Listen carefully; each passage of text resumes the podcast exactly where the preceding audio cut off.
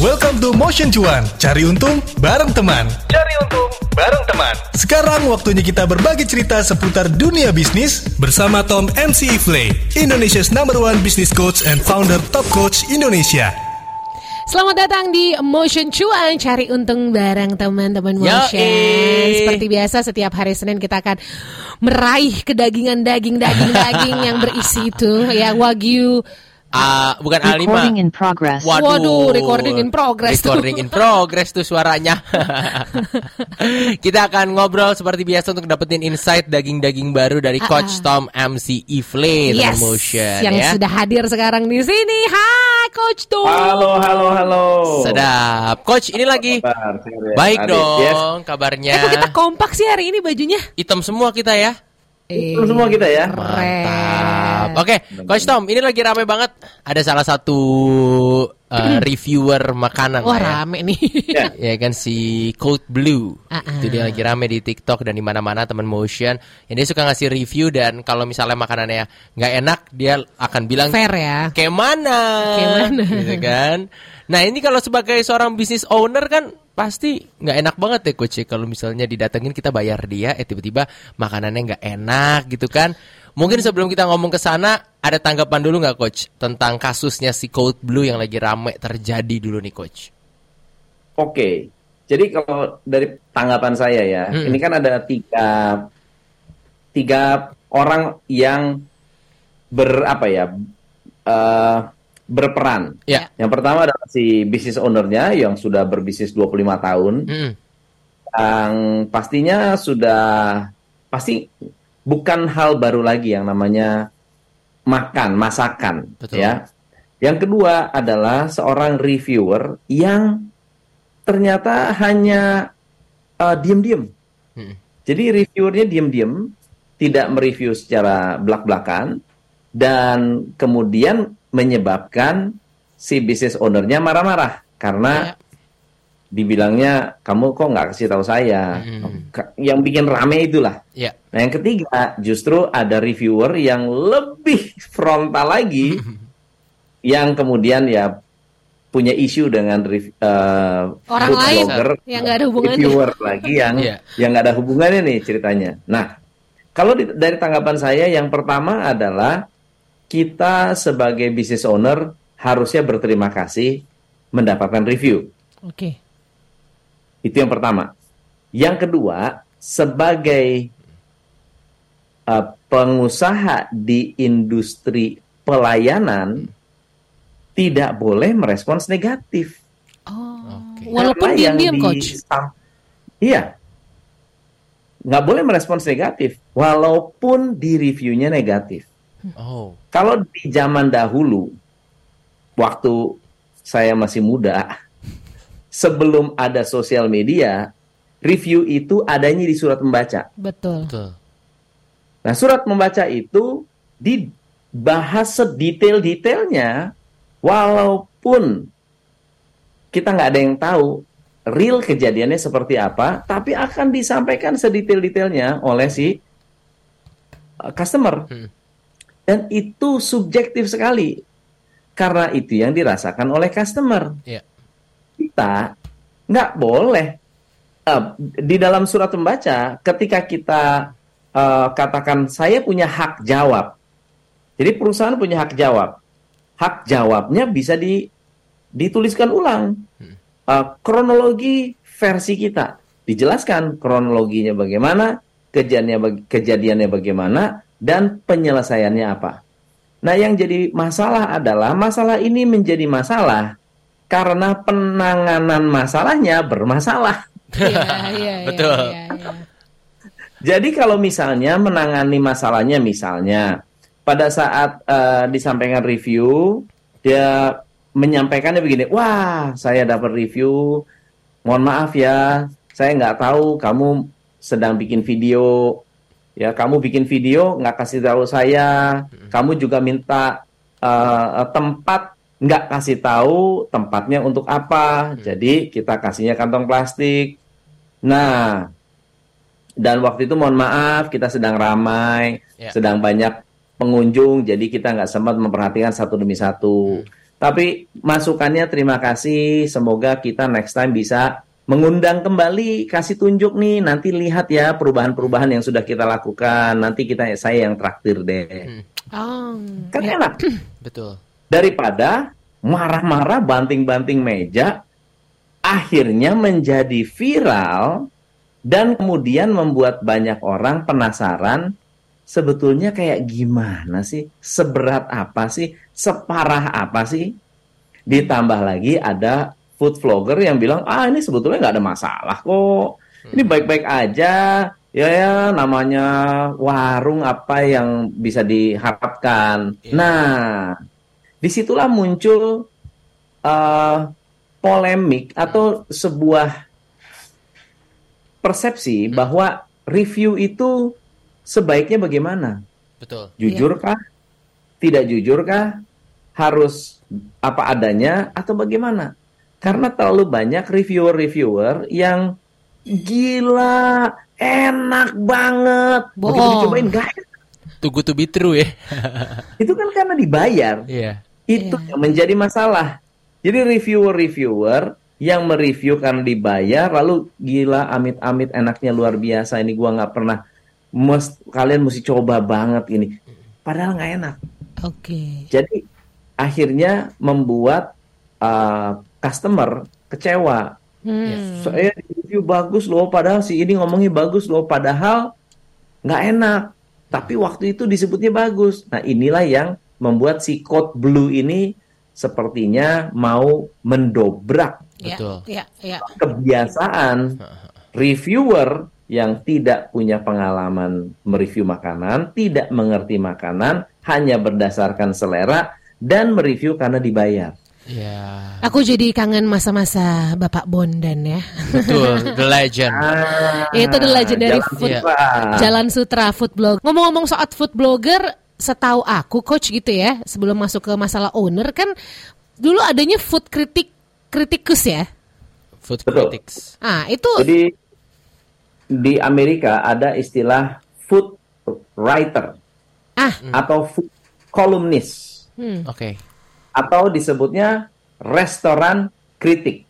iya betul. Mereka-mereka ini adalah orang-orang yang mempublikasikan findings atau temuan-temuan pada saat berkunjung ke sebuah restoran dan mereka ini adalah penulis yang detail sekali. Mereka juga dibayar mahal untuk mengkritik, Iya. dibayar mahal untuk mencari kesalahan. Jadi kalau misalnya uh, si food kritik ini bisa uh, menemukan masalah, menemukan isu, lalu kemudian ditulis, tentunya ini adalah satu uh, kritik yang membangun sebenarnya. Betul. Ya, karena setelah dicari-cari kesalahannya yang ditemukan cuma satu, misalnya garnishnya kurang fresh atau apa. Nah, dia mereka mengerti makanan, mereka mengerti proses. Bagaimana cara memproses daging, bagaimana cara memproses um, uh, side dish, ya, gimana cara memproses uh, dessert. Jadi dia ngerti banget. Nah, ketika dipesan, lalu kemudian ternyata enak, lalu kemudian menulis, wah ini menjadi uh, apa kredibilitas yang luar biasa untuk restoran itu. Tapi kalau sampai ketemu, misalnya kecoa gitu ya, kecoa nggak usah masuk di makanan, kecoa lewat aja, restoran itu bisa ditutup. Oh. Benar-benar dicabut Benar, izinnya Benar, benar, benar. sedemikian powerfulnya. Ada dulu orang namanya Gilles uh, Coren. Dia disebutnya million dollar critic. Dia million dollar critic. Kenapa? Karena kalau dia sudah uh, masuk dan nggak pakai lapor, si food critic ini nggak akan tuh kayak ke Bang Madun datang gitu. Bang Madun, mohon maaf ya, saya review boleh nggak? Follower saya ada 50 ribu nih bang, gitu. Boleh nggak makan gratis? Itu nggak bakal ada, nggak bisa. Dia akan makan sendiri, nggak akan ada yang tahu siapa dia. Iya, iya, iya. Kemudian dia makan, coba-coba nulis. Makan, coba-coba tulis. Makan, coba-coba tulis.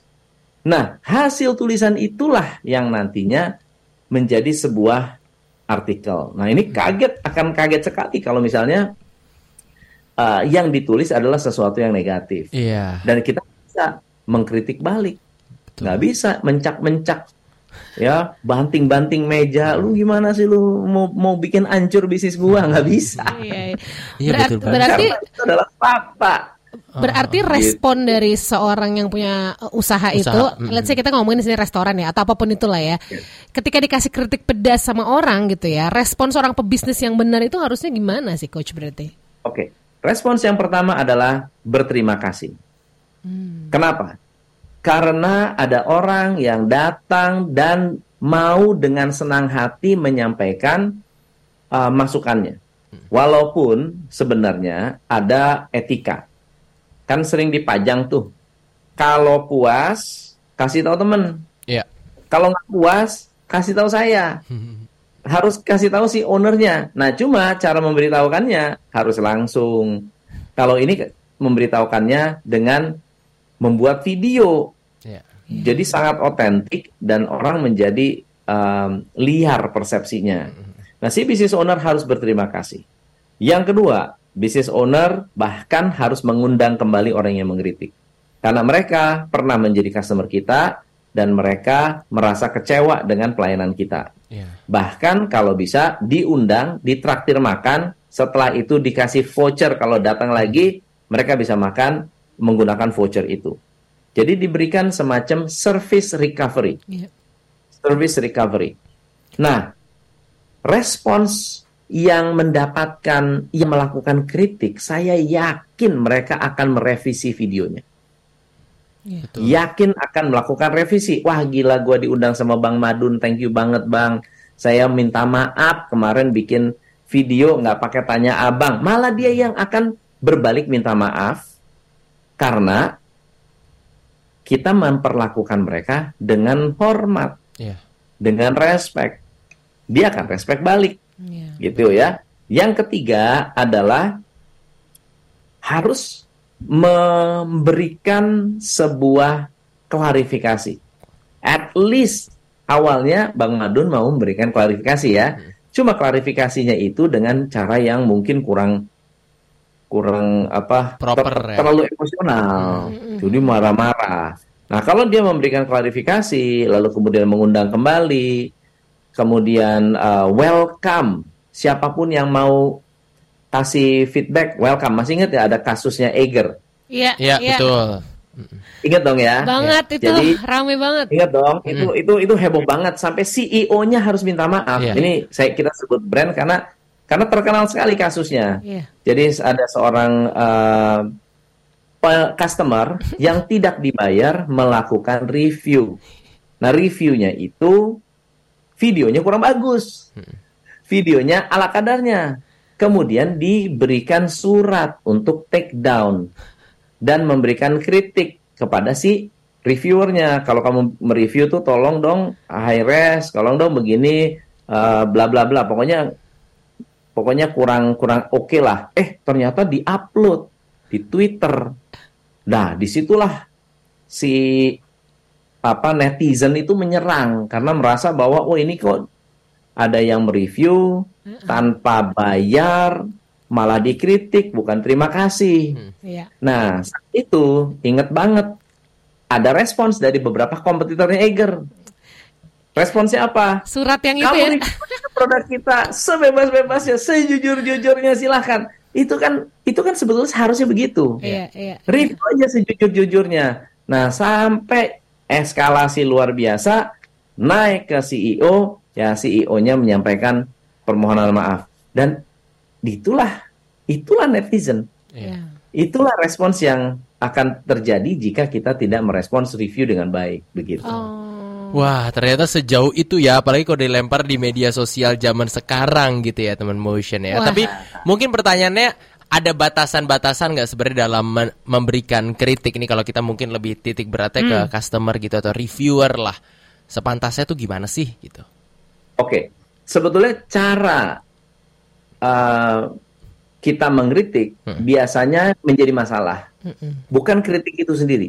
Biasanya kritiknya sih nggak masalah, tapi cara mengkritiknya itu Iya. yang menjadi masalah.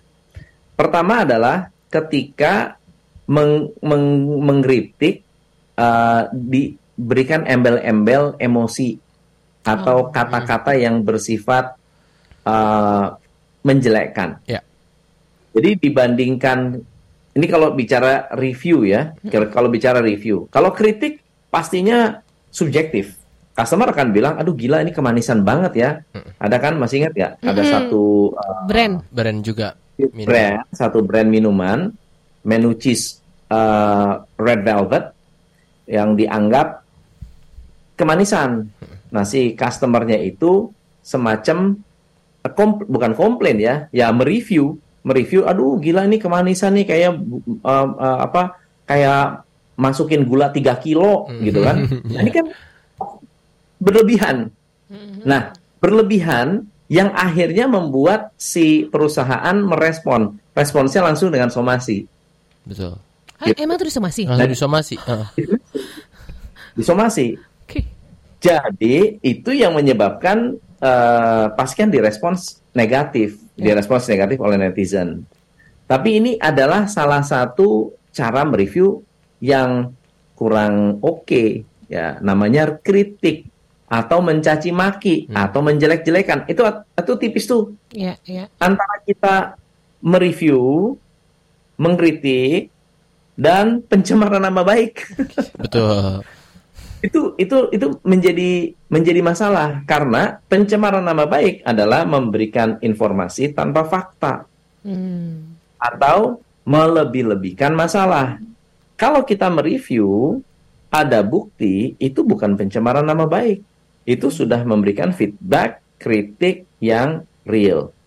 Nah, yang kedua adalah tidak menyerang orang, tidak menyerang pribadi, apalagi sampai sara. Wah, orangnya beginilah, badannya beginilah, uh, body shaming itu nggak boleh. Karena itu sudah sudah keluar daripada esensi kita mau memberikan feedback atau masukan. Nah, yang ketiga adalah kritik sebisa mungkin pribadi, bukan dipublis, di, di, diumumkan. Lebih baik kalau mau kritik nih langsung aja. Ya. Kalau perlu tulis surat langsung ke ownernya atau langsung ke uh, manajernya.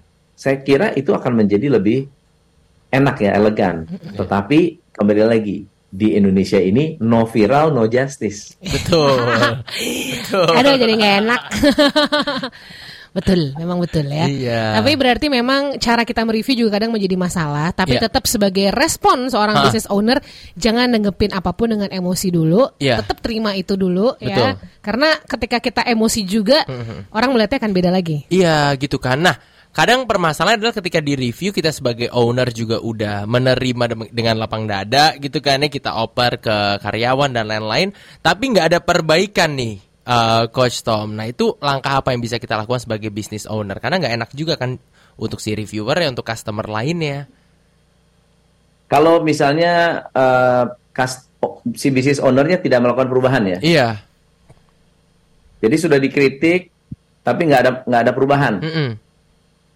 Sebetulnya itu resikonya lebih besar di si bisnis ownernya. Hmm. Oh. Karena akan semakin banyak orang yang penasaran bener apa enggak kan banyak orang kepo di dunia ini. Iya iya iya betul sih. Di sempat ada kasus kan ada orang jualan salad katanya semangka melon semangka melon semangka melon di review oleh kompetitor. Jadi seorang kompetitor mereview makanan kompetitornya. Wow. Ya. Tukang salad buah dia mereview salad buah. Mm-mm. Nah, ini di review negatif nih.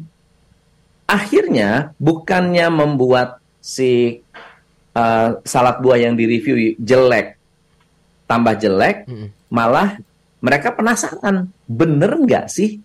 Gitu kan? Iya. Ternyata tidak benar. Yang ada banyak customer yang membuat video uh, balasan. Ini enggak nih saya saya mau nyoba nih. Katanya nih ada salad buah yang uh, semangka melon semangka melon. Gue mau coba. Oh enggak enak. Mm. Coba uh, produk yang mengkritik mana? Wah ini lebih nggak enak gitu loh. Iya. Jadi customer customer itu cerdas dan yang lebih hebat adalah owner dari salad yang dikritik. si owner yang meng, uh, uh, uh, owner dari salad uh, perusahaan salad yang dikritik yang awalnya itu dijelek-jelekin bukannya marah malah terima kasih dan minta maaf mohon maaf ya dia bikin VT mohon maaf ya aduh saya diinin kita dibilang uh, uh, skornya 4 dari 10 aduh saya minta maaf dan terima kasih banget kita tuh sering kali dapat fast, uh, feedback masukan dan ini adalah uh, sesuatu yang harus kita perbaiki terima ya. kasih banyak ya masukannya hmm. jangan bosan-bosan untuk ngasih feedback ngasih masukan wow. uh, kita berjanji deh buat teman-teman yang nanti uh, beli produk kita tolong di fit di review juga kalau memang masih ada yang kurang, kita pasti akan berusaha untuk memperbaiki. Itu booming, naik berkali-kali lipat omsetnya. Bukan malah marah balik, malah minta maaf, malah berterima kasih. Itu adalah cara yang lebih elegan. Betul sih. Rezeki nggak ke mana ya sebenarnya ya Coach Tom ya. Ya memang sabar-sabar ya, ya untuk para business owner. Kadang-kadang hmm. memang udah kita baik, kita udah menerima baik. Ada juga sih kan customer-customer ya. yang emang dikasih uh, hati minta jantung. Gitu. Selalu ada gitu ya. Oke, okay, last but not least Coach Tom boleh kasih pesan kah buat teman motion nih supaya sama-sama enak lah. Mungkin ada teman motion yang business owner juga lebih bisa menerima kritik dan kita yang suka kritik mungkin dari segi bisnis, makanan dan lain-lain juga bisa lebih beretika lagi. Boleh nggak Coach Tom? Bisnis ini adalah hidup dan mati untuk pengusaha. Apalagi pengusaha yang bisnisnya yaitu satu-satunya. Hmm. Jadi ini adalah hidup dan mati dan juga babynya. Jadi kalau ada bayi kita yang dikritik, pasti kita kan bela mati Yeah. Nah, business owner harus melepaskan perasaan dari bisnis. Ketika Anda terlalu melibatkan perasaan di dalam bisnis, kita akhirnya tidak bisa jernih melihat permasalahan. Buat para reviewer, mereview itu sangat penting dan sangat membantu. Apakah reviewnya baik ataupun buruk. Tapi langkah pertama, ingat prinsip kalau nggak suka, nggak happy, lebih baik lapor ke ownernya dulu. Hmm. Kalau puas, boleh bikin video dan sampaikan sebaik-baiknya kepada banyak orang. Yeah. Karena yang namanya uh, review yang baik akan membawa nama baik buat yang mereview juga. Setuju. Oke, okay, nice. Ya, penting sekali. Betul, one motion ya. Berarti kalau gitu kita sebagai business owner udah hmm. harus bisa terima kritik ya. Memang yeah. sometimes it hurts. Dan buat kita juga yang suka nge-review gitu, mau yang profesional maupun yang hmm. ala-ala, yang namanya review, kita punya etikanya. Betul. Ya. Jadi jangan sembarangan juga saling menghargai satu sama lain biar semuanya makin naik ke depannya. Naik, naik, naik, naik ya. Yes, seperti biasa, Coach Tom, thank you banget atas infonya, insight-nya, dan minggu depan jam setengah tujuh hari Senin kita akan ngobrol lagi dengan topik yang berbeda. Ditunggu tuh ya teman motion ya. Terima kasih kok. Thank you guys. Bye bye. Bye bye. Itu dia Motion Cuan, cari untung bareng teman di minggu ini. Bersama Tom MC Ifle, Indonesia's number one business coach and founder Top Coach Indonesia. Tungguin obrolan seru lainnya di Motion Cuan, cari untung bareng teman. Sampai ketemu di episode minggu depan.